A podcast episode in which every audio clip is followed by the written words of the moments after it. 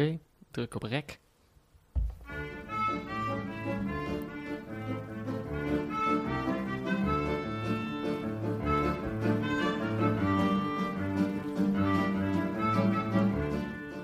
Na de speeldag van gisteren ging de neutrale kijker zich toch afvragen of het toernooi ons wel gunstig gezind was. Maar vandaag was het plotseling een dag waarop Hongarije op voorsprong kon komen tegen Frankrijk. Een dag waarop Portugal-Duitsland zomaar kon eindigen in 2-4. Een dag waarop Robert Lewandowski kon scoren in het shirt van Polen. Bij ieder balcontact van Robin Gozens kon je het toernooi voelen bewegen, omwentelen. En zo snel kan het gaan. De ene dag voel je je overbodig en de volgende dag ben je de winnaar. Het was een dag waarop je voelde dat de neutrale kijker ertoe deed. Je moest wel blijven kijken, anders had je het gemist. Müller, uitstekend. Havertz. Kimmich. Kimmich, fantastisch neergelegd. En Goossens heeft ook zijn beloning. De twee uitblinkers in deze... Ja, wijsneus. Eh, ja, Peter. Goedenavond. Eh, ja, toch even daarover gesproken. Eh, het is- we zijn nu een dag verder. Eh, Afgekoeld? ik zit nu weer in dezelfde stoel. Ja, ja, afgekoeld, zeker. Afgekoeld, ja. Zeker. En ehm, ja, ik moet toch ook wel concluderen dat ik misschien een beetje te ver ben gegaan eh, gisteren. Oh, Ik heb me een beetje, eh, een beetje laten gaan. Ik hoef ook niet meer in details te treden. Iedereen weet wat er gebeurd is. iedereen weet wat er gezegd is. Ja, precies. En ik, ehm, ik heb zelf ook even teruggeluisterd. Eh, het was niet. eh, hoe zeg je dat? Het was niet charmant allemaal. Niet chic. Niet chic. Eh, dus daarom dacht ik, wil ik bij deze toch even mijn excuses aanbieden voor wat er gisteren is gebeurd. Eh, in my defense. Ik had al dagen heel erg slecht eh, geslapen. En dan gaat gewoon bij mij de remmer altijd een beetje af. Was- Ongelukkige samenloop van omstandigheden Ja. misschien wel. Ja, het was, Maar ja, het is ook wel zo, laten we wel, bepaalde, we hebben het nu denk ik over, over het slot van je tirade. Want er is natuurlijk ook een heel groot gedeelte gewoon sterk onderbouwd geweest Ja, en, en ja. terecht. Jij wilt toch gewoon weer, weer de, de inhoud in. Ik probeer het nu toch achter me te laten. Ja, Kijk, wat er gebeurd was, was natuurlijk al dagen heel erg heet. Mensen weten dat ik last heb van hooikoorts, dus ik had gewoon niet goed geslapen. En eigenlijk eh, op het cruciale moment was het zo dat ik... We hadden de, de ramen in onze slaapkamer wijd openstaan. Mhm. En ik werd s'nachts uh, rond een uur of vier werd ik wakker toen het begon te regenen. En gewoon mijn, mijn reflex was meteen van... shit, ik moet die ramen dicht doen. Want anders gaat het allemaal naar binnen regenen. Dus zo half in slaap wilde ik het raam ja, niet helemaal dicht doen... maar eigenlijk op kiepstand zetten. Dus ik moest hem eerst zo dicht doen. En dan zo dat ding, de, de hendel omdraaien en dan kiept hij zo open. Ja. En ik weet niet precies wat ik deed in mijn halfslaap. Maar opeens viel dat, viel dat raam zo'n beetje helemaal uit, uit zijn scharnieren. Oh, je zat tussen de, tussen de open en de kiepstand. Ja, en Dat is echt heel naar. ik, ja, nou zeker om, om Om vier uur om s'nachts. vier uur s'nachts, als je eigenlijk net niet helemaal wakker bent. En ik stond gewoon zo met dat, met dat zware raam in mijn handen. En mijn vriendin eh, Julie lag nog te slapen. En ik heb het wel eens eerder gehad, maar dat was overdag. En dan wist ik weer, je moet gewoon een beetje flink rammen. Even goed duwen. Even goed duwen en dan knalt dat ding wel weer terug in zijn scharnieren. Maar ja, om vier uur s'nachts, gewoon, ik heb echt een paar minuten zo gestaan met dat raam in mijn hand van, oké, Oeh, wat overkomt mij nu? Voor jouw gevoel, hoe lang heeft dit geduurd? Ja, ik heb, ik heb echt geen idee. Het was gewoon, ik, had, ik probeerde hem een paar keer dicht te beuken en zuchten. Nou, toen werd natuurlijk me, werd Julie wel wakker. toen probeerde ik ook een beetje zo uit te leggen wat er gaande was. Ehm, en ik dacht gewoon van ja, ik wilde gewoon alleen maar terug naar bed. Maar eh, als ik dat raam zo liet hangen, dan, dan zat er gewoon een gat in ons huis. En dan zou het gewoon de hele nacht naar binnen regenen. Ja, en waarschijnlijk was dat raam eh, op den duur wel eh, uit zijn scharnier gevallen. Ja, dus ik, had, ik kon echt geen kant op. Ik wist gewoon van ja, ik moet dit raam terug. Ik, pas als dit raam terug in zijn scharnieren zit, kan ik terug in mijn eigen scharnieren in bed. Ja, ik vind het wel, die, die, die, die, die onaangekondigde storm midden in de nacht, die heeft dan toch ook wel weer een soort van spiegelfunctie op, op ons beiden, denk ik, hoe wij zijn. Eh, wij hebben een, een, een schuin dakraam boven ons bed, Mhm. boven ons hoofd. Mhm. En ik werd wakker van een paar hele lichte druppels. Want die stonden ook open in verband met de weersomstandigheden. En toen mijn reflex is dan. Ik doe de deken iets meer over Lot. Maar ja, ik kan natuurlijk niet over de hele hoofd doen. Want ik, ik, zelfs als het gewoon... Het was alleen maar boven me om iets dichter te duwen. Maar ik deed de deken over haar heen. En toen zag ik haar echt van... Het regent gewoon op mijn hoofd. Doe het raam dicht. En dan moet zij dan wakker worden om dat raam dicht te doen. En ik slaap gewoon verder. Omdat ja, die, die paar druppeltjes deren mij niet eh, in de nacht. Maar dus deze stress, ja, uiteindelijk eh, flink, flink rammen. En Mhm. ik weet niet precies. Het, het was handig geweest als ik, eh, als ik had onthouden wat de magic precies was. Om hem weer terug te krijgen in de scharnieren. Maar op een gegeven moment was het gelukt. En ik ben gewoon meteen weer eh, in slaap gevallen. Maar kijk, dit is natuurlijk een beetje om te verklaren waarom ik uit mijn hum was gisteren. En eh, ik denk bij deze kunnen we het gewoon achter ons laten. Ehm, en eh, ja, laten we het er niet meer over hebben, toch? Sluit ik me bij aan. Ja, toch? Zeker. Strepen onder. Zand erover. de kous is af. Welke, welke spreekwoorden heb je nog meer? Nou, eh, we hebben het eigenlijk al veel te lang hierover met Jordi. Maar god, gisteren was niet, was niet de beste dag voor de neutrale kijker. En vandaag, ja, wel. Feestje. Wat een feestje. Niet Feestje. normaal. Terwijl, op, ja. op diverse, op diverse manieren zelfs. Dus eh, ja, dat was, eh, dat was heerlijk. Maar volgens mij moeten we voordat we naar de wedstrijden gaan... altijd even kijken of we weer wat fout hebben gedaan. Jij zit dit toernooi een beetje in de, in de versprekinghoek. Ik hè? Ja, ja maar dit is, dit, dit is gewoon wat er gebeurt bij die dagelijkse afleveringen. Op een gegeven moment eh, schiet ik toch in een soort automatische piloot. En dan, Ja. dan, ik bedoel, het is gewoon een soort overlevingsmodus die je gedurende het toernooi bereikt. Ja, er kwamen twee, twee feiten kwamen er samen in de zin van dat de pool des doods de volgende dag was. Maar we hebben ook elke dag drie wedstrijden, of tenminste op de, op de leuke dagen. Ja, ik heb blijkbaar gisteren gezegd dat er nog drie wedstrijden in de pool des doods op het programma stonden. Ja, Vandaag. Maar ja, dat, dat dat, komt niet uit. dat kan natuurlijk helemaal niet. Het waren er maar twee. Dus dit, dit, dit heb ik wel vaak binnengekregen. Eh excuses. Dit was inderdaad echt gewoon een fout op de automatische piloot. En ik heb, eh, wat had ik nou nog meer gezegd? Ehm, Over de vrije trappen van Cristiano. Ja, ik schijn daar. We hadden het gisteren natuurlijk met de Blanke Begarde over het, het feit dat Cristiano Ronaldo nooit vrije trappen erin schiet. En toen ging het over het vorige EK, vijf jaar geleden, waar hij er een ingeknald zou hebben. Dat was niet zo. Dat, leek, dat bleek niet zo te zijn. Gelukkig was daar oplettende luisteraar eh, Wouter Boekamp, eh Jordi en Peter. Lekker bezig. Kleine rectificatie over de vrije trappen van Cristiano Ronaldo. Het verhaal dat hij lang niet meer heeft gescoord uit de vrije trap klopt. Maar de Blanke Bogarde trapte daarna vol in de schijnbeweging van Peter door mee te gaan in het verhaal. was geen schijnbeweging. was gewoon eh blackout. dat was gewoon domheid, pure domheid. Maar daar kan je mensen ook mee foppen. Is wel zo. In het verhaal dat Ronaldo het vorige EK nog gescoord zou hebben uit een vrije trap. Maar dat gebeurde niet op het EK van 2016, maar op het WK 2018.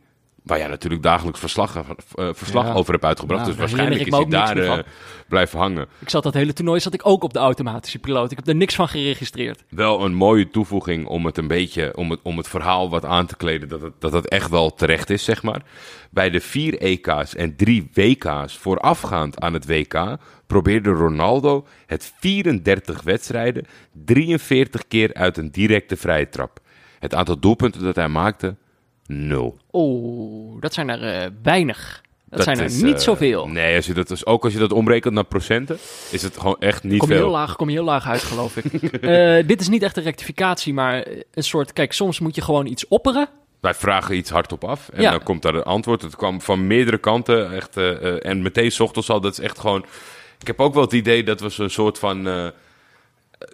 onze luisteraars veranderen een beetje in die deelnemers van 2 voor 12, weet je. Die pakken een boek erbij, een belletje en ik wil... eh, dit is het antwoord op drie. Eh, de Argentijnse scheidsrechter is een eh, uitwisselingsproject. Er is ook een, eh, een Europese scheidsrechter actief op de Copa America. Ja. Dat vinden ze leuk. Sturen ze volwassen mannen op een Ja, uitwisselkamp. Ja, Student exchange. ik, ik weet niet, voor zo'n scheidsrechter leuk, denk ik. Een keertje andere omgeving. Maar kan je veel van leren. Hè? Kom je toch als rijker mens weer terug. Maar ik, ja, ik weet niet wat ik ervan vind. Uiteindelijk denk Misschien ik toch... jezelf We hadden, vinden. we hadden het er gisteren al over dat het eigenlijk al lastig is... dat een Spaanse scheidsrechter dan eh, eh, een wedstrijd tussen Engeland en Schotland fluit. Mhm. Ehm, maar ja, zeg maar helemaal van een ander continent komen. Ja, precies. Om, om, om, om ook zeg maar, een beetje het verhaal van de wedstrijd aan te kunnen voelen. Of, te, of in Ja. ieder geval ervan op de hoogte te zijn van de historie. En Ja. we- wat ik niet helemaal kan inschatten is... ik vind eigenlijk gewoon... het zou niet ten koste moeten gaan van de talentvolle Europese scheidsrechters, denk ik.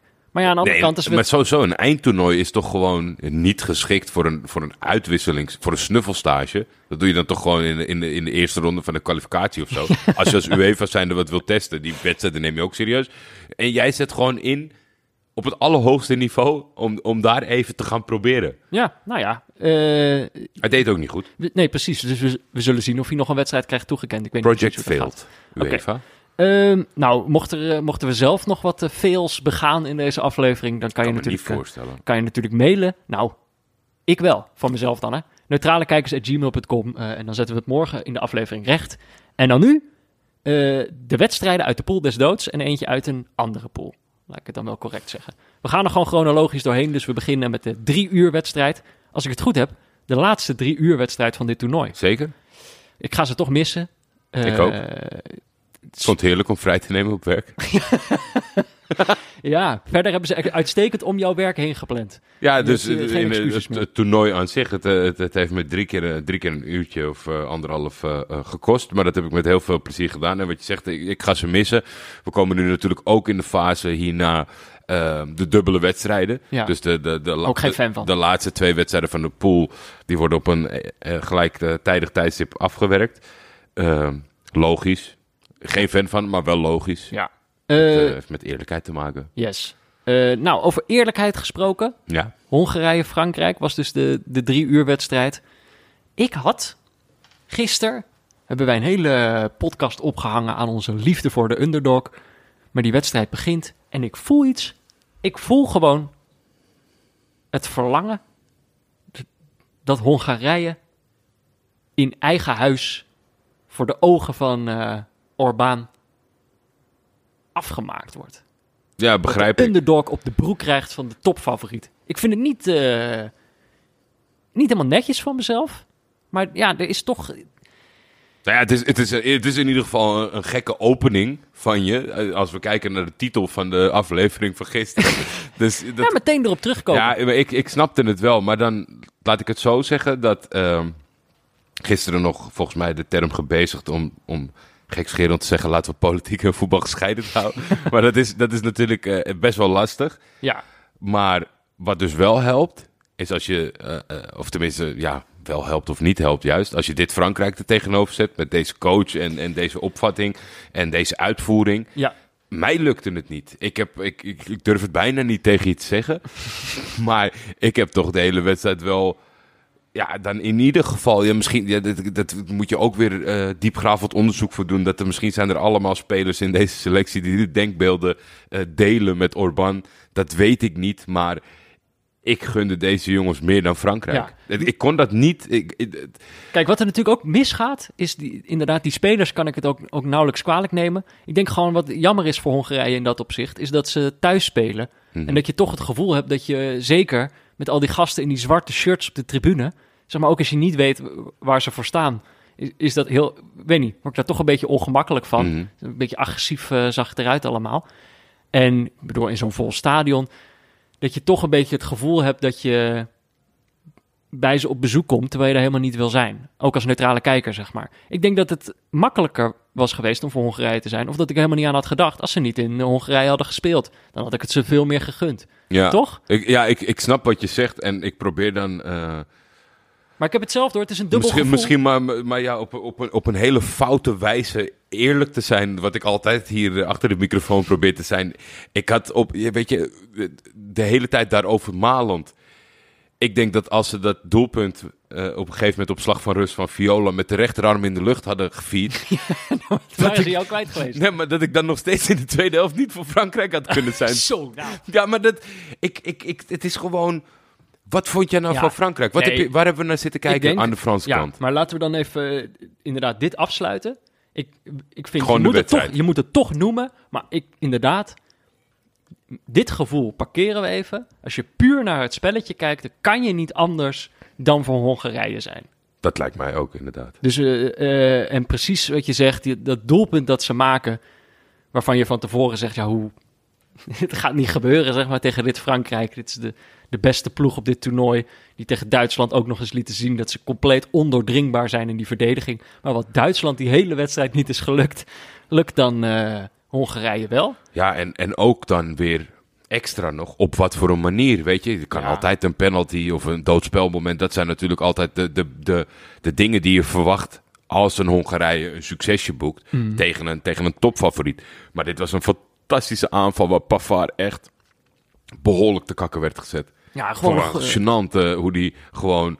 eh, Viola zet zijn eigen aanval op, krijgt hem terug, passeert hem op snelheid en op kracht. En schiet hem achter, eh achter Joris. En dan krijg je nog een heel gek tafereel, Ja. waar, ik, waar ik nog niet de, de, de context van heb ontvangen. Misschien is er geen context, maar er zat een vrouw verslag te, uit te brengen. Ja, er zit een vrouw aan tafel naast het veld. Ja, Die nou ja, gasten springen over een soort hekje heen. En een gast die laat haar echt, eh, die geeft haar de schrik van haar leven door alles van haar tafel af te mappen. heel en gek. Het enige wat, wat die situatie voor mij nog een beetje redde, is dat zij daarna moet lachen en eh, de duimen opsteekt of zo. Want ik vond het eigenlijk ook dat een beetje raar agressief naar zo'n vrouw toe. Eh, het zag Ja. er niet heel lekker uit, maar doordat zij moet lachen, ik geloofde die lach wel. Da- daardoor kon ik er nog wat, wat beter naar kijken. En, eh, maar kijk, Dat, moment, dat momentje werd wel behoorlijk geoond door Leon Stentler. In de actualiteit Nee. was er wat gedoe rondom vrouwen die betrokken zijn bij voetbal. En die had echt binnen een seconde dit fragment. En dat stond bij hier met die libellen. En gauw. Ja. Dat ik wel echt in mijn broek zeek van het lachen. Want ja, dat is, eh, dat is de manier om met die clowns om te gaan. We hadden nog Eh. de, de... Eerder ging het erover dat...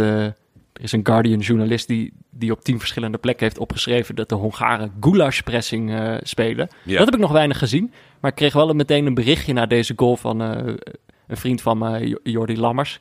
met alleen de woorden goulash-counter.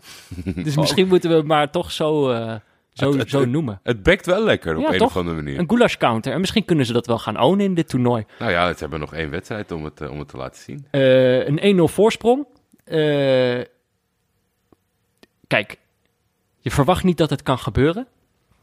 Maar dit, om, om te bewijzen hoe uitzonderlijk dit is, wat hier gebeurde, is dat het zelfs Deschamps heeft gedwongen tot een aanvallende wissel. Rabiot werd, eh, werd eruit gehaald en Dembélé werd er ingezet. Zo waren een aanvaller voor een middenvelder. En eh, nou ja, ik weet niet of het echt daardoor kwam. Dembélé is wel degene die, eh, die al vrij gauw op de paal schiet in de Ja. tweede helft. En dan, ja, deze goal is- is, is wat minder mooi. 65ste minuut. Een counter van Frankrijk, eigenlijk Hongarije. Misschien net iets te enthousiast naar voren gegaan met, eh, met een hoop mensen bij een vrije trap. En uit die counter, eh, ja, Mbappé krijgt die bal ergens voorin. Die, die kan zijn mannetje natuurlijk wel uitspelen. Die geeft hem voor. Die bal wordt niet helemaal lekker weggewerkt. Valt hij voor de voeten van Griezmann, die geen heel goede wedstrijd speelde. En die schiet hem dan nog eh, in het hoekie. Ja, in binnen. deze, in deze setting kon ik dan niet anders dan dat mijn gedachten er naartoe gingen. Want degene die de grootste fout maakte was eh, de net kerstvers genaturaliseerde Hongaar. Nou ja, in dat klimaat dan moet het extra vervelend zijn dat het, eh, dat het die jongen overkomt. Maar ja, die ging wel... Het is echt wel een mega fout van die Neko. Ja, Hoe hij die bal verwerkt, nog buiten de 16. Met, met nog alle mogelijkheden, zelfs tot, tot aan de noodrem trekken. Het is, het is echt zonde, want deze, deze gasten die waren aan het zwoegen. Ik, ik had ook wel echt eh, de P erin dat, dat Salah het niet overleefde. Zeg maar. Die moest al vrij vroeg in de wedstrijd. Ja. Die natuurlijk in, de eerste, in, de eerste, in het eerste duel met, met zijn lokken. eh, ja hij werd door. Michel Dodeman werd hij vergeleken met een, een, een surfer uit een, een, een jaren negentig film in Hollywood. Zoiets geloof ik. Ja, Misschien citeer ik hem niet helemaal correct. Maar die, maar- die, die moest dan. eh, en dat, ik vind dat toch mooi, weet je, zo'n technische staf die op zoek is van ze willen hun aanvoerder helpen. En dan gingen ze met zo'n koud doekje in zijn nek, maar hij wilde het niet, sloeg hij hem weer weg. En toen droop hij af. eh, maar de het was ook die, in. die nasleep was wel grappig. De- deze spits ging eraf. Eh, zijn vervanger was Nikolic. Ja. En eh, de- zijn eerste balcontact was een bal keihard in zijn gezicht uit de vrije trap van Mbappé. Ja. Hij stond echt een scout in het veld, meteen vlak tegen de grond. Terwijl ik denk bij dit soort beelden denk ik ook... ah, heeft die jongen niet gewoon een lichte hersenschudding of zo? Want hij krijgt die bal echt op zo'n vervelende plek zo hard op zijn hoofd. Mhm. Eh, maar ja, hij heeft doorgespeeld. Dus nou ja, dat betekent niet per se dat je er goed vanaf kwam. Maar een beetje een lullige, lullige wedstrijd voor die Maar jongen. zagen we hier eh, een, een momentopname van de Fransen? Of is zeg maar een soort van juist de weg naar beneden ingezet? Ja. Komen ze uit dit dal? Als je kijkt naar Mbappé, Benzema, Kanté, Pogba. Dat zijn gewoon... Pogba misschien dan nog discutabel bij zijn Eh club af en toe. Was ook aan het klooien deze wedstrijd. Ja, maar die is ook, ook niet meer zo vlekkeloos op zijn club. Maar in ieder geval Mbappé, Benzema, Kanté. Eh, er is niet genoeg eh, lof om uit te drukken wat zij dit, dit seizoen hebben ontvangen Ja. bij hun clubs. Ja. Nou, Misschien ja. is de pijp al leeg. Maar weet je wat ik dacht? Het ziet er ook ongelukkig uit. Vind je het niet? Ja, ik weet niet. Ik blijf daar toch van genieten. Ja, Die jongen maar- is, is toch wel een. Is, is eigenlijk altijd wel leuk om te zien, zelfs als hij niet op de toppen van zijn kunnen is. Maar weet je wat ik denk bij Frankrijk? En eh, dit is, dit, eh, misschien is dit een, eh, een hele domme mening of een domme vraag. Maar kijk, het, ging, het is de hele aanloop naar dit toernooi gegaan. Is het gegaan over de gigantische breedte die Frankrijk tot zijn eh, beschikking had? Mhm. Dat er onder de 21 elftal dat zij eh, naar dat toernooi stuurden. Dat werd uitgeschakeld door Nederland, toch? Zeker. Eh, nou, dat was ook niet misselijk. Daar stonden stel spelers tussen. Maar ik vind het zo gek dat op een gegeven moment gaat Pogba naar de kant. Ze hebben gewoon helemaal geen vervanger voor hem. Wie is de creatieve middenvelder die die paasjes gaat geven als Pogba het niet doet of als hij niet in het veld staat? En ik, hij zit er niet tussen in de selectie. En dan kan je Dembélé inbrengen voor, eh, voor Rabiot. Maar Dembélé is natuurlijk ook geen, die geeft ook geen paasjes. Ja, je kan toch, eh, toch, als je zeg maar de lijsten ziet van de namen. En weet je, het is ook weer niet zo. eh, soms zijn bepaalde dingen een hype, soms over- overdrijven voetbalvolgers. Maar in het geval van de breedte van de mogelijkheden van Frankrijk is dat niet het geval. Nee. Alleen bij Jong Frankrijk was eh, toch ook wel zeer zichtbaar dat als jij geen goede coach hebt, dat, dan kan je nog zo goed zijn, maar dan weet je zelfs door dit matige Jong Oranje van Erwin van Looy uitgeschakeld. Nee, En dat, we kunnen toch maar één man aanwijzen dat Frankrijk niet swingt en met twee vingers in de neus richting de beker gaat. Denk ik. DJ. Dat denk ik wel. Ehm, verder wil ik nog één ding aan jou vragen voordat we doorgaan naar het hoogtepunt van de dag. Ja. Eh, ik heb denk ik een trend gespot, tenminste dat weet ik niet. Maar Pogba lijkt me wel iemand die een trendsetter is. Hij had één lange mouw, één korte mouw. Ja. Gaan we het vaker zien, denk je? Ja, er is in, eh, in, in, in Rogerio is er eh, iemand die dit hele toernooi enkel met randzaken bezig is. Als je zijn tijdlijn terugleest, dan komt daar geen doelpunt of een assist of, of een Nee, lofvang. vandaag zag ik alweer de TikToks van Lewandowski De- er komt echt geen voetbalmening voorbij, maar het zijn de belangrijkste randzaken, dus dat is absoluut een volgtip. Maar hij zei dat ook meteen. Ik moest meteen denken aan dit is eh, fashion, want je hebt altijd van die crosswaarderingen, hè? rappers en voetballers, NBA-sterren met grote Ja, ja, dit zag er voetbalsterren. erg, erg basketbalachtig Dit zag er heel erg- dit- Basketbal. Ja, ik, ja ik, ik zeg basketbal, maar ik ken ook eh, een jongen, eh shout-out Pieter, eh, eh, die zei altijd basketbal. Eh, die komt ook niet geheel tezijde, volgens mij, om, uit de omgeving waar jij bent opgegroeid. Ach joh. Eh, waar zaten we nou? Ja, nou ja, ik, dacht, ik, dacht dat, ik dacht dat dat het was. Ik dacht puur eh, een, fashion ding van Pogba. Want ik, ik weet wel dat in het... En het zit een beetje tussen je oren. In het basketbal is het dus je arm warm houden. En op Basketbal een is het, bepaald, geloof ik. Op, je, op een bepaalde temperatuur eh, vinden Ja. sommige spelers dat prettig. Maar als voetballer heb je dat helemaal niet nodig. Als Voor je, niet, inworpen als je niet van plan bent om, eh, om de hele hands te maken of te gooien... dan eh, zou het niet moeten uitmaken. Of dan zou je het aan allebei de Nee, kanten het is doen. een pure stijlkeuze. Dat, dat is Maar gaan we, dit, vermoeden. eh, gaan we het vaker zien, denk je? Gaat vast, als Pogba het doet, gaat iemand het Nou, ik wou zeggen, ja, Pogba is wel iemand die ervoor zorgt dat eh, straks de linksback van NEC ook met één lange mouw speelt. Oké, maar we moeten door. Want we moeten het nu gewoon over... We moeten, over deze wedstrijd valt heel veel te zeggen. Om zes uur, Portugal-Duitsland. Eh, na de wedstrijd eh, zag ik iedereen zeggen... dit was het hoogtepunt van het toernooi tot nu toe. Dus we kunnen heel lang praten over de mouwen van, eh, van Pogba. Maar de- hier, is, hier zit de magic natuurlijk van het toernooi. Heb je genoten? Ja, 2-4, terechte overwinning van de Duitsers. nee, ja, tuurlijk, dit, dit, dit is Dit is wat je eigenlijk Dit is wat je altijd hoopt. En als je zeg maar soort van naar iets uitkijkt, dat het dat je zin hebt in een wedstrijd, is, is dit de conclusie dat je dan achteraf. Maar dat gebeurt dus bijna nooit. En de ingrediënten waren natuurlijk niet per se aanwezig. Met Portugal is het natuurlijk moeilijk. Portugal was super saai in die eerste wedstrijd tegen Hongarije. Ja. En Duitsland was machteloos tegen Frankrijk. Dus het was niet dat je dacht, "N- nu gaat het gebeuren. Nee, nee. En dan ondanks dat ik, ik vond wel dat je zag bij Duitsland een stukje. Het, het, het zag er meer uit als kwaliteittekortkomingen tegen de Fransen dan dat ze de intentie niet goed hadden. Dus wat dat betreft, bij de Duitsers kon je het nog wel zoeken. Maar de, de betonbroers Pereira en Carvalho, die waren natuurlijk weer gewoon opgesteld door Santos. Ja. Al aangekondigd door Pieter. Dus ja, daar blijft niet heel veel. Dat moet wel bond lopen, wil je hier twee of meer goals zien. Nou ja, dat pakte even anders uit. We hadden er nog veel meer kunnen zien. Het liep bond. Ja, en het, is al, het is al veel gezegd, zeg maar, het voetbalinhoudelijke gedeelte. Die Duitsers, alles stond goed. Ik, in, in eerste instantie, bij, die, bij het eerste duel, dacht ik van, nou, dat Gnabry, Havertz, Müller, driehoekje voorin, het lijkt mij niet zoveel. Maar op het moment dat je daar twee werkende backs, dat, als, dat, als dat werk wat het plan was, zeg maar, als je dat aanvult daarmee, nou jeetje, dan, moet je toch wel uit goeie, van goede huizen komen, wil je dit Duitsland ineens afstoppen. Duitsland is opeens. eh, heeft toch een soort visitekaartje afgegeven met deze wedstrijd. Opeens na deze wedstrijd denk ik, oei, we moeten toch weer uitkijken. Terwijl dat eh, drie Ja. dagen geleden dacht ik dat nog helemaal niet. Nee, er was ook echt oprecht geen, geen enkele aanleiding toe. Maar dat, dat, dat kan soms. Eh, het was ook een, een goede en degelijke ingestelde tegenstander. Alleen, ik denk dat ze ook zelf gewoon er nog niet klaar voor waren. En dat nu ineens viel het perfect. Ja, ik, ik denk, het is, het is de meest saaie opmerking op basis van deze wedstrijd. Maar de, de, de, de werking van Kimmich en Gozens. Ja. Gozens die voor de wedstrijd... En daardoor voelde ik extra met hem mee vandaag. Want hij werd beschimpt door Joep Schreuder. en ik Wat natuurlijk... door wijsneus Joep Schreuder. ja, ik was natuurlijk gisteren al beschimpt. Dus ja, ik, ik, heb, ik heb staan huilen bij het succes van Robin. ja, maar dat, hij heeft toch iets spectaculairs over zich. In ieder geval in deze wedstrijd. die, die ballen binnen hè? Eh, ah, dat, is, eh, dat weten niet veel mensen. Die heeft nog bij FC Dordrecht gespeeld. Ja, maar dat, eh, weet je wat ik had? En dat is denk ik ook gewoon een goed, een, het teken dat je naar een goede neutrale kijkerswedstrijd zit te kijken. Bij de eerste goal van Cristiano Ronaldo in de 15e minuut dacht ik, ah yes, Portugal voor. Vond ik leuk of zo. Ja.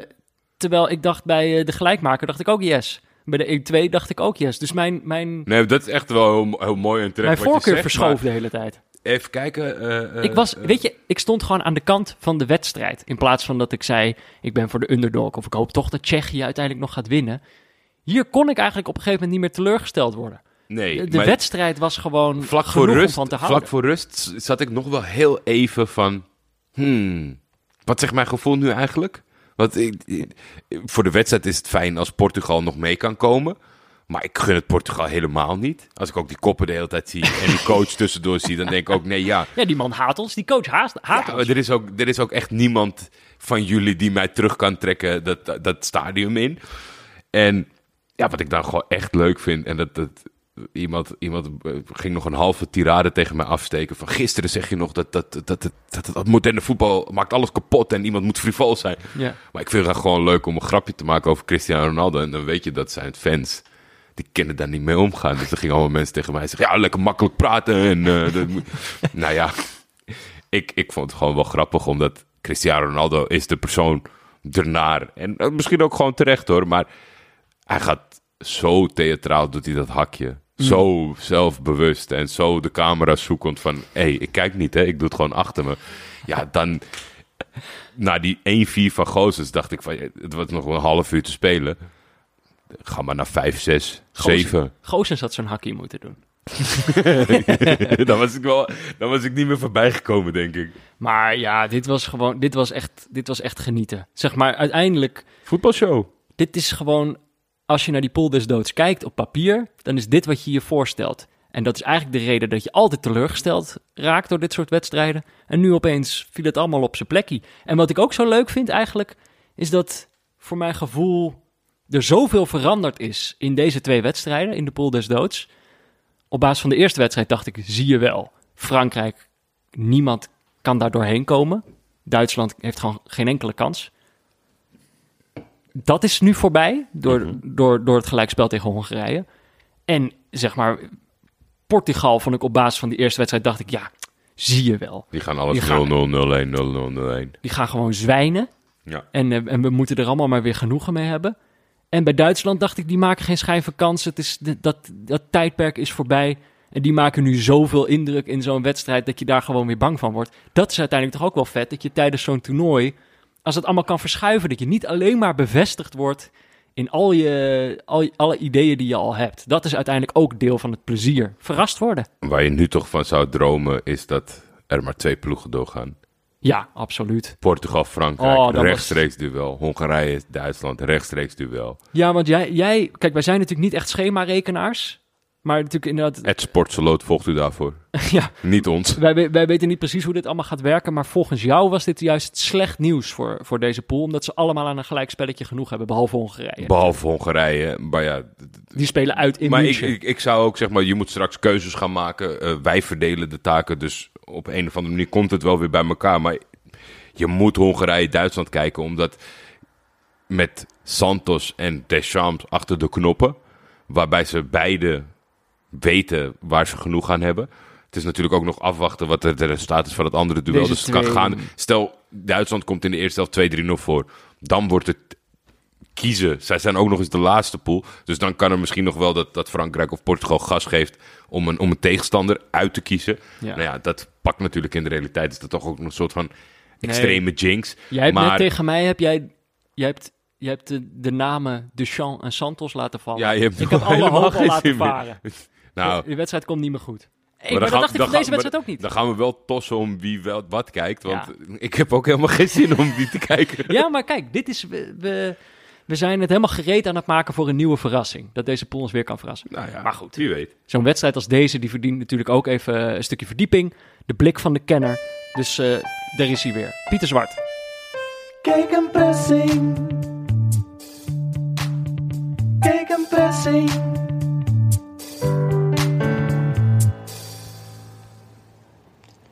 Ik heb de afgelopen weken vaak aan de analyse van Pep Guardiola over Chelsea gedacht. Die spits maakt het zo diep, zei hij.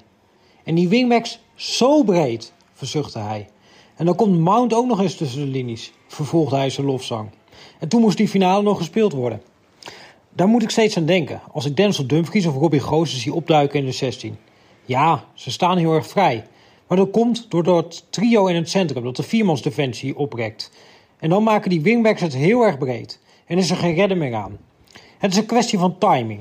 Opkomen zodra die back van de tegenstander even op iemand anders let. Duitsland beheerst dat spelletje. En ik geniet met volle zeugen. Kijk een pressing. Kijk een pressing. Ja, het laatste potje. Dit voelde toch een beetje als... eh, ik, ik had mijn portie al gehad, zeg maar. Jij zei, het is eigenlijk geen toetje. Het is een beetje een kaasplankje. Deze Ja, gaan, gaandeweg werd het toch een, eh, een, een interessant kaasplankje. Kijk, als je bij... eh, ja, er zaten wat kaasjes tussen. Ja, als je, als je Ja, bij, een- bij een vreedskuur, dan, dan, dan ga je eten en dan bestel je tegen beter weten in een kaasplankje. En dan krijg je al die onzin die je al kent, weet je. En dan denk je, ja, had ik het maar niet gedaan. Dan krijg je een, een, Maar ba- nu- een, ba- een babybel. Ja, Een, ba- een babybel en een, en jong belegen en old Amsterdam. Dat je, oh ja, nou, eh, super eh, leuke, interessante keuzes. Maar nu, ineens kwam, eh, kwam een ober in de tweede helft Ja. aanzetten met... Een heel interessant Pools kaasje. Ja, ja nog niet bekend. Maar het is, in, in zekere zin is het natuurlijk Spanje eh, tegen eh, Lewandowski. Alleen, dat, dat, dat zou je vooraf zeggen. Ja, Alleen is de praktijk natuurlijk dat hij, dat hij niet, nooit echt thuis geeft voor de nationale ploeg op een eindronde. Nee, dat, eh, wat zei hij nou? Het is een soort... eh, ik weet niet meer wie, met wie hij hem nou vergeleek. Maar het komt er eigenlijk nooit uit bij hem. Nee. En eh, vandaag opeens wel. Ja, maar dan gaan we eigenlijk meteen al naar de 1-1. Moeten we dan nog beginnen met de 1-0 van Morata? 26e minuut. Iedereen, Opmerkelijk moment. iedereen dacht, is dit buitenspel? Ja. Ik dacht, was het eigenlijk geen schot van Moreno, maar dan was het wel een heel zwak schot. Maar het was wel een opmerkelijke paas. Kwam een beetje uit het niets.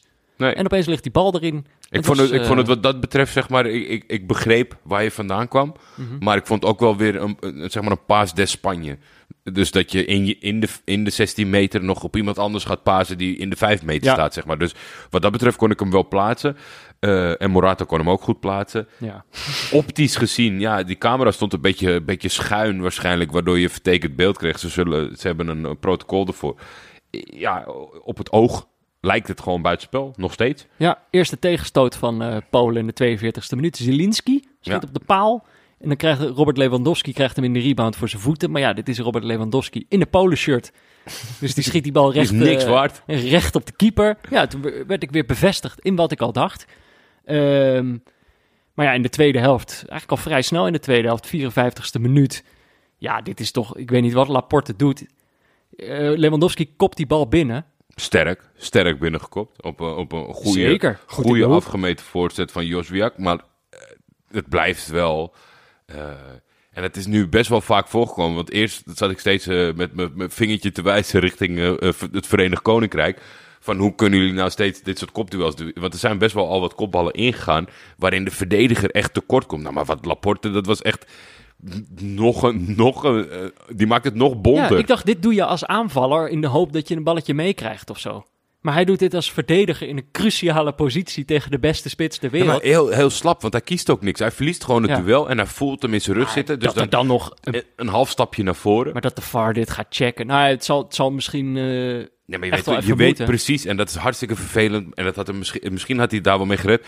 Als dit Ramos was geweest, dan, dan, dan, dan lag hij te kermen tegen de paal aan. Zo hard zou hij geduwd zijn. Maar die act moet je nou eenmaal maken om hiermee weg te komen als je hem niet gaat winnen. ja. Maar dit was wel echt eh, halfbakken. eh, ja, waardeloos. En, en goed voor de wedstrijd dat die, dat die 1-1 erin ligt. Meteen daarna, want je denkt dus inderdaad als neutrale kijker, hè, hè? Eh, we, we worden, we worden toch nog even beloond op dit kaasplankje. Maar je, de- je hebt ook het gevoel dat er meteen iemand op je, op je kaasplankje tuft. In de zin van dat, je, dat er meteen daarna, ja, met iedere herhaling die ik zag, vond ik de penalty voor Spanje terechter worden. Hij wordt toch wel echt hard op zijn voet eh, getrapt. Het is gewoon een super domme overtreding in het penaltygebied. En daar moet je dan maar eenmaal een penalty voor geven. Zeker als je het in de VAR terugziet. Kan je er gewoon niet omheen. Maar het voelde een beetje flauw dat Spanje dan geholpen moet worden. Terwijl ze het helemaal niet op eigen kracht kunnen tegen Polen. Terwijl ze dat natuurlijk wel zouden moeten doen. Het voelde gewoon oneerlijk. Het was Ja. wel eerlijk. Het was allemaal volgens de regels. Nee, dat is het. Het was volgens de regels, maar het was niet eerlijk. Ik, ik heb en wat wel heel eerlijk veel, was- heel veel moeite met dit soort momenten. In de zin van dat ik denk van...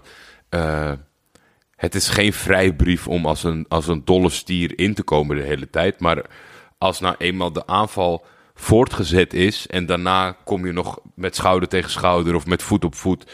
Ja, het heeft geen invloed op je actie. Die, die paas is gegeven door die Spanjaard opzij. En die heeft zijn bestemming bereikt. En ja, daarna stapt hij op zijn voet. Eh, Wat je zegt, regels zijn regels. Dus ik zal er niet over vallen. Maar ik vind dat gewoon niet zo'n leuke regel. Dat dat, dat dat nog meetelt. Want het heeft helemaal geen invloed in wat de intentie was van die tegenstander. Ja, het vervelend dat je pijn in je voet hebt. Maar die jongen kon er gewoon doorverballen. Eh, ik heb wel weer een trend gespot. Hij is weer terug.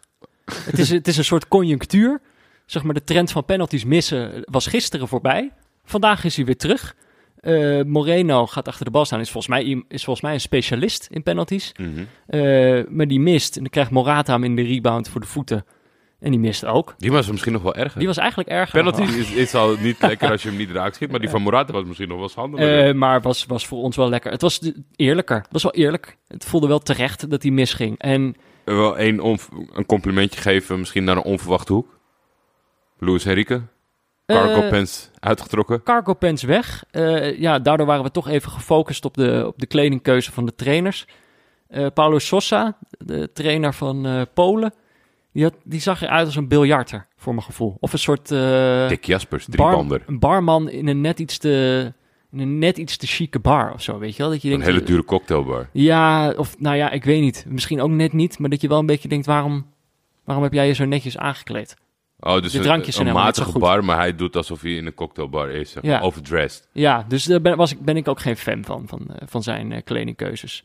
Ehm, Ik heb ja, net een compliment aan hem gegeven. Ik wil ook nog even een andere kanttekening maken. Dat is toch als je in, met een half uur te spelen ongeveer en je moet scoren en je wisselt Moreno voor Fabian Ruiz, Coco voor Sarabia, dan denk ik ja, weet je, het is ook wel gewoon het Spanje-probleem. Die eeuwige drang, het het liefst zouden ze met elf middenvelders spelen. Gewoon Ja. elf mannetjes eh, dicht op elkaar met paasjes links en rechts en ja. eh, ja, wat, wat, wat vooral een, een ramp is, denk ik, voor, eh, voor het land, is dat eh Stijn, Alaphilippe, die heeft Oh. vanavond zijn handen afgetrokken van deze ploeg. Die heeft mij een bericht gestuurd. Dan Die moet je het heel van, maken. Ik, eh, ja, nee, deze jongen eh, ademt Spanje. En hij zegt, ik, ik wil mijn handen aftrekken. Ik, ik voel niks voor deze, voor deze ploeg. En dit is niet, Ja, eh, dan zijn ze niet waarvoor ik redden. Spanje-watcher ben geworden. Ze staan nu ook derde in de pool. Gaan het vast nog wel redden.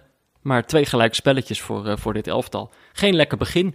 Jordi, nu we door deze speeldag heen zijn. Mhm. Dit was het einde van speelronde 2. Is voorbij gevlogen. Ja. Ik, ik ben een beetje in de war. Eh, Ik kan al bijna niet meer herinneren hoe Turkije Dus- gefaald is. Want we gaan nu dus al de beslissende derde speelronde in. Morgen worden de eerste ploegen al uitgeschakeld van dit toernooi. Eh, Morgen dus weer een drietal wedstrijden. Nee, tweetal. Het zijn ook nog eens tegelijkertijd. En daar gaan we het zo over hebben. Eerst even een berichtje van onze sponsor.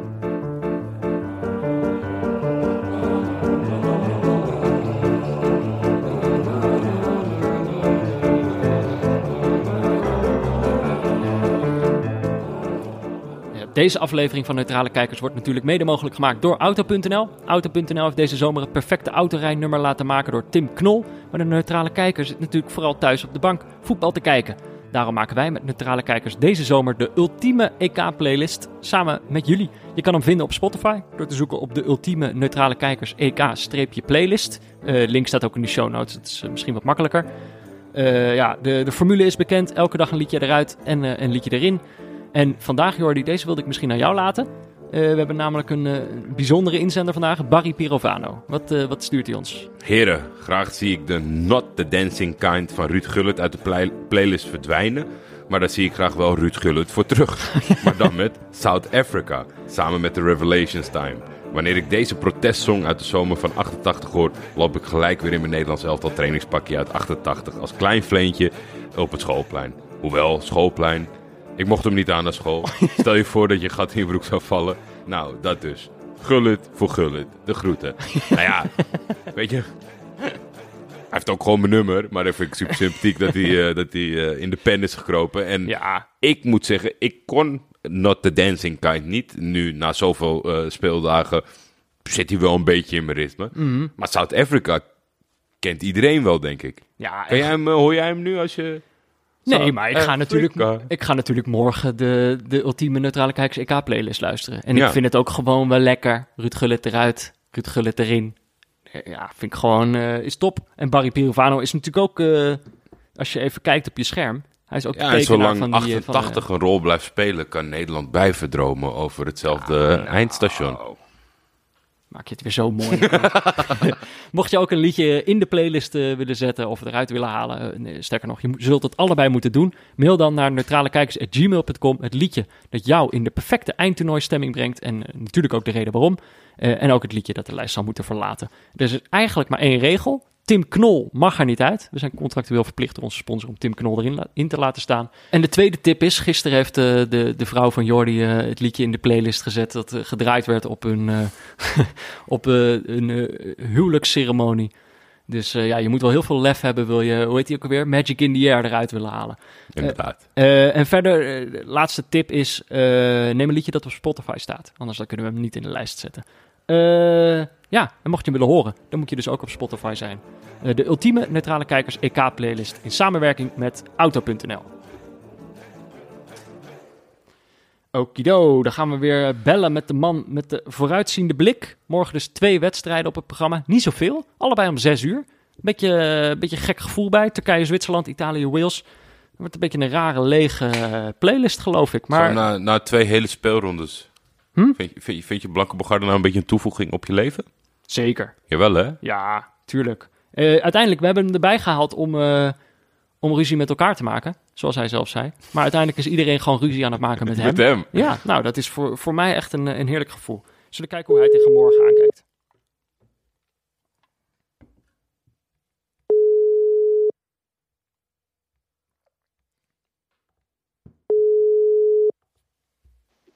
Hey jongens. Ja, daar is hij weer. Ben je klaar voor Hey.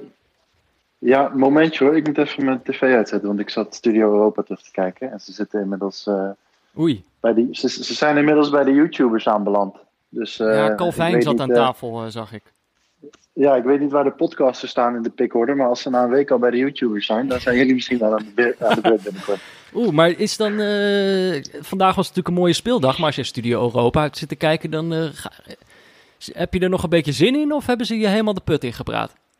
Nee, nee, nee. Het was eh, leuk. Ik, ik moest even. Ik heb niet alles live kunnen zien vandaag. Dus ik was even op zoek naar samenvattingen en dingetjes. En toen kwam ik bij eh, Studio Europa terecht. Maar ik vond het over het algemeen een eh, leuke dag. En er is eigenlijk niks gebeurd wat ik had voorspeld. Dus dat was ook leuk om mee te nemen naar vandaag. Het ging allemaal hartstikke goed. Ja, je zat er weer lekker naast. Ja, ik zat er weer lekker naast. Ik heb eh, Lewandowski en Morata eruit gepikt. Nou, die hadden allebei meteen eh, gescoord. Alhoewel Morata er volgens mij ook nog wel een paar meer had kunnen maken. Zeker. Maar leuke dag, leuke dag. Zeker. Ehm, en morgen, ja, het is een gekke speeldag. Twee wedstrijden, allebei om zes uur. Turkije, Zwitserland en Italië, Wales. Ja, je mag zelf kiezen waarmee je, waarmee je begint met je voorspellingen. Ja, ik wil eigenlijk beginnen met. Want ik, ik probeerde dus net een beetje uit te vogelen van. Nou, wat, wat moet wie nou doen om eh, een zo goed mogelijke loting te hebben, et cetera. Mhm. Maar ik, heb, ik, ik kwam net ook achter iets. Kijk, eigenlijk is het heel oneerlijk. Want ze spelen dus bijvoorbeeld morgen alle twee om zes uur. eh, om te voorkomen dat nou ja, de een van de ander weet wat ze moeten doen, zeg maar, om eh, eh, de beste positie in de pool te krijgen. Ja, Maar dat loopt, he- dat loopt helemaal spaak door dat nummer drie gedoe. Ja. Want, want daardoor heb je dus te maken met andere pools. Dus bijvoorbeeld pool E en F, die spelen als laatste. Maar die hebben dan toch veel meer voordeel dan eh, pool A Tuurlijk, en B en C zo, die bijvoorbeeld. kunnen uitkiezen. Maar hebben ze daar wel over nagedacht? Want dat is toch, ik bedoel, even los van dat. Ik, ik, ben, eh, ik ben helemaal tegen dat 24 teams. Dat vind ik veel te veel. Alhoewel het wel leuk is voor eh, Noord-Macedonië. Maar dit lijkt als iets waar ze helemaal niet over na hebben gedacht. Want je kunt in principe gewoon, nou ja, bij wijze van spreken, bijna uitkiezen straks aan het einde wie je, wie je wil hebben. En ja, dan kun je misschien wel gaan spelen op, weet ik wat, 3-3 of, of 0-0 of 1-1. Maar dat, Ja. is- Dat dat is toch de bevestiging, zeg maar, dat ze er niet over hebben nagedacht. Want dat het nu in de praktijk, zeg maar, niet klopt. Weet je, mijn gezonde verstand zegt... Natuurlijk hebben ze erover nagedacht. Maar tegelijkertijd... Het is de voetballerij. Je kan er gewoon niet van uitgaan dat ze hierover hebben nagedacht. Nee, maar, Nee, maar- maar het, het, li- het lijkt me echt een hele grove eh, misrekening. Dat ze hier niet aan hebben gedacht. En überhaupt het feit dat het schema zo ingewikkeld is dat je er een, eh, eh, hoe heet het, een VI Pro-artikel voor nodig hebt om een beetje te kunnen inschatten wat de loting gaat worden. Ja, dan gaat er iets mis. ja, en dat gaat ook in tegen het, eh, het plezier of zo, toch? Uiteindelijk Ja. eh, wil je gewoon weten, ligt iemand eruit of niet. En eh, Ja, we hadden het net heel even over de potentie van, zeg maar, nu met de uitslagen van eh, Pool F. Als, dat gewoon, als er maar twee doorgingen. Zodat je Portugal, Frankrijk en Duitsland, Hongarije allebei vechtend om twee tickets. Ja, nu gaat Portugal, Frankrijk gaat gewoon 100% gelijk eindigen als het niet elkaar beïnvloedt. Ja, ja, inderdaad. Dus het is een beetje. En om het, ja, dat heeft hier niks mee te maken. Maar ik heb dus ook net ontdekt dat het WK in 2026 48 deelnemers heeft. ja. Dus eh, goed. Maar goed, daar ging het niet over. ja, dan wordt deze Eh. podcast pas echt een uitdaging. Dan wordt het pas echt een. Het is maar goed, dat, dat is eigenlijk de echte reden dat we gaan stoppen. Dat is, de, dat is de clickbait voor morgen. De echte reden waarom neutrale kijkers stoppen.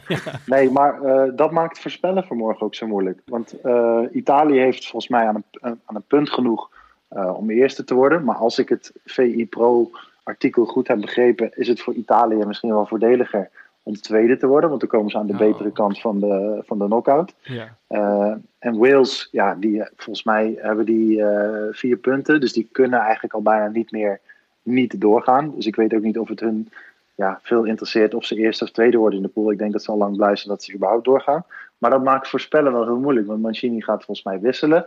Eh, dus ik ga hier echt geen voorspelling aan hangen. Want dat, Ja, Dat, dat hebben onze luisteraars wel een soort van door laten schemeren. ik, doe geen, ik doe geen voorspelling hier. Mag dat? Dat, dat kan niet. Dan, dat dan, pikken, dan, dat pikken ik, ze niet langer. ja, dan denk ik Je, je valt heel eh, even weg. Je viel heel even weg, Oh, of je bent ons in de maling aan het nemen. Dat kan ook. Wat denk je dan? Nee, nee, dat, ik denk eigenlijk dat, Italië wel gewoon wint. Ik bedoel, die kunnen niet, al zouden ze willen, kunnen ze niet verliezen. Ik vind het wel een Eh, droomscenario dat ze echt voor die plek 2 gaan en Wales laten winnen en dan, Dan de, volgende ronde helemaal- eruit en dan knallen. de Dat, helemaal kwijt dat is zijn. toch top?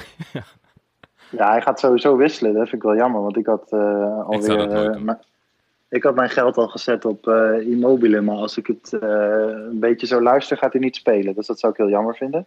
Eh, maar Zwitserland-Turkije, dat is wel een leuke. Ik denk dat daar staat er nog veel eh, op het spel. Althans, in ieder geval voor één van de twee eh, staat er nog veel op het spel. Turkije is volgens mij bijna klaar. Tenminste, er moet echt een soort van wonder gebeuren. Willen die nog wat eh, ehm, gaan bewerkstelligen. Maar daardoor wordt het misschien wel eindelijk een keer echt leuk voor Turkije. Die, hebben, die kunnen nu alle, alle tactiek en alle plannen loslaten, als die er al waren. Maar gewoon echt zeg maar all-out gaan. En, en misschien krijgen we wel weer zo'n vechtwedstrijd. Want de laatste, eh, ik zat even op YouTube, dat was toch ooit die hele grote knokpartij. Dat die Benjamin Hugel iemand van achter in zijn ballen trapte.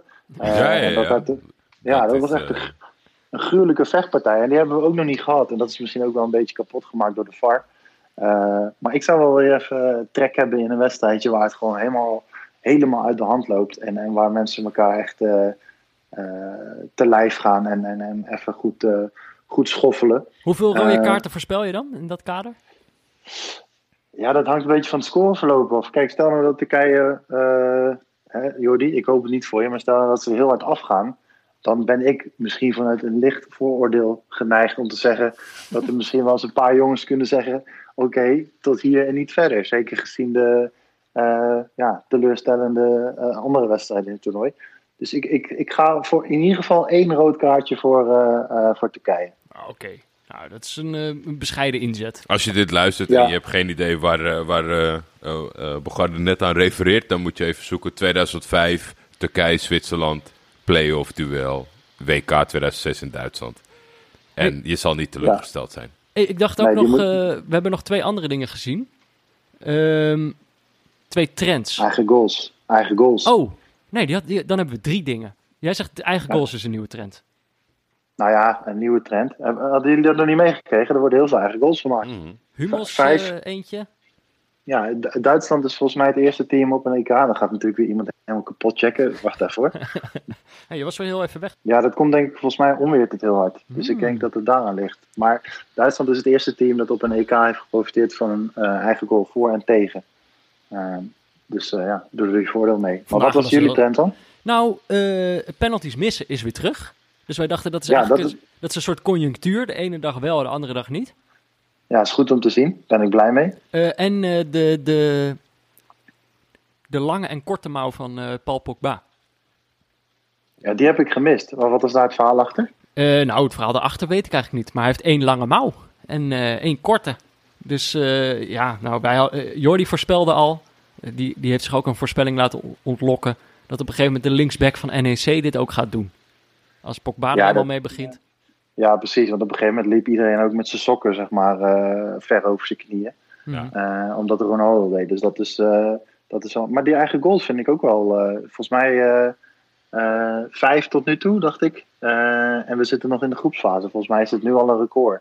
Ja, dat komt, kan nog wat volgens mij worden. komt het doordat eh, iedereen die halfspaces eh indringt en dan gewoon keihard voorgeeft. Dus het wordt gewoon Keihard steeds lastiger om niet zelf te scoren. Ja, want ik heb, eh, hoe heet het, Portugal-Duitsland. Dus volgens mij bijna elke goal kwam eh, op die manier tot stand. Ja, Dus dat is eh, interessant. Dus maar goed voor, eh, hoe heet die, Sven van Beek, dat hij er niet bij zit. Want dan had hij even kunnen werken aan zijn, aan zijn eh, doelsaldo. Dit was zijn toernooi. dit Eigenlijk. dat zijn Dit had toernooi zijn- kunnen dit- zijn. Dit had zijn toernooi kunnen worden, maar ja, helaas, hij zit er niet bij.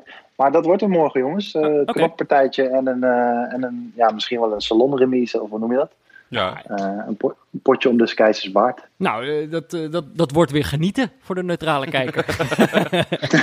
ik kijk er naar uit. Kijk jij uit in het onweer? Dan, eh, dan... Ja, ja, ik, ik, ga, ik ga weg bij het raam eh, Yes. en dan komt het goed. Oké, dan spreken we je morgen weer.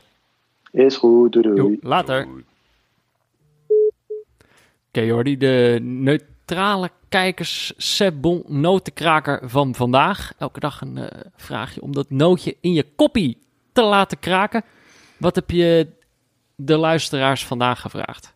Welke speler van Polen Mhm. heeft de meeste passes verricht aan het eind van dit duel? Want ik ben ook nog ergens eh, op. eh, het is een soort van halve.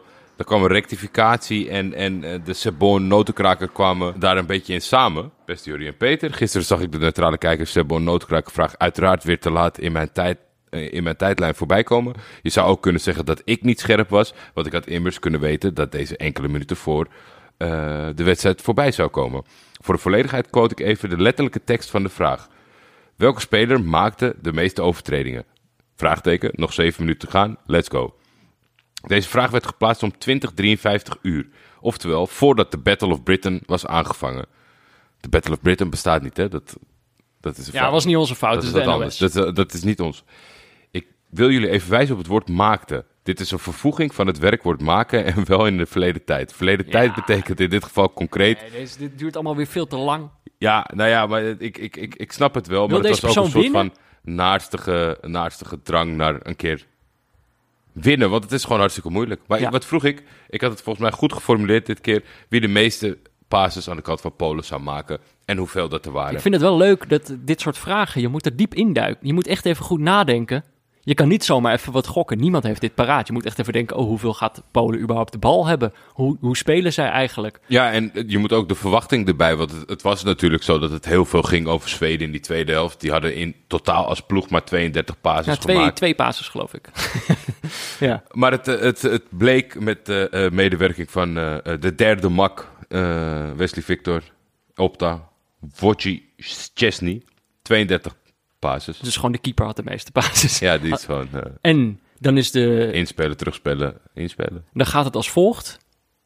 Mocht je dit goed hebben, mocht je dit hebben voorspeld, Ja, dan moet je dat zelf laten weten aan Jordi. Je moet jezelf melden. Zo halen we de mensen eruit die, eh, die alleen maar meedoen en niet luisteren. ja precies. Die, mo- die, die mogen van mij geen nootjes winnen. Absoluut niet. Eh, dus mocht je het goed hebben, laat het dan weten. En dan eh, krijg je zo'n zakje van de niet zo neutrale kijkers borrelmix van Sibbel. Lekker, eh, een lekker zakje nootjes. Goedgekeurd door Fik. Absoluut. Een betere endorsement kan je niet krijgen. Oké Jordi, dan, dan zijn we door de dag heen. Dan gaan we zo natuurlijk nog even naar, naar niet-neutrale kijkers met onze vrienden van de show. Maar ik zal eerst nog even, even afkondigen.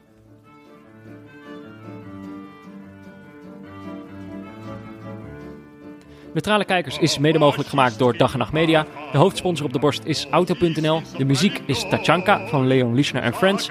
En een adaptatie daarvan van Studio Cloak. De gegenpressing jingle is van Laurens Collet. De vooruitziende blik was van Ed de Blanke Bogarde. De diepteanalyse van Pieter Zwart. En de artworks zijn natuurlijk het werk van Barry Pirovano. Onze notenbar Notenpartner is Sebbel, de beste notenbar van Amsterdam. Je kan daar de speciale neutrale kijkers borrelmix krijgen om lekker op te knabbelen tijdens de wedstrijd. Eh, wil je meepraten? Dat kan. Je kan ons volgen op Twitter via @buurtvader of @defef. Je kan ons mailen op neutralekijkers@gmail.com of je kan natuurlijk een berichtje sturen via vriendvandeshow.nl/slash neutrale kijkers. Daarover gesproken, eh, Jordi, zijn er nog nieuwe vrienden bijgekomen? De broer van Hidde, Hey, dat is leuk. Welkom, eh, de broer van Hidde, Douwe. eh Douwe. Welkom, welkom bij ons als vriend. En nou, kom maar gelijk mee. Dan gaan we naar niet-neutrale kijkers. Oh shit, ik heb niet opgezocht wat tot morgen in het, in het Welsh is. Nou, weet je wat? Ik zeg gewoon tot morgen, Jordi. Tot morgen, Peter.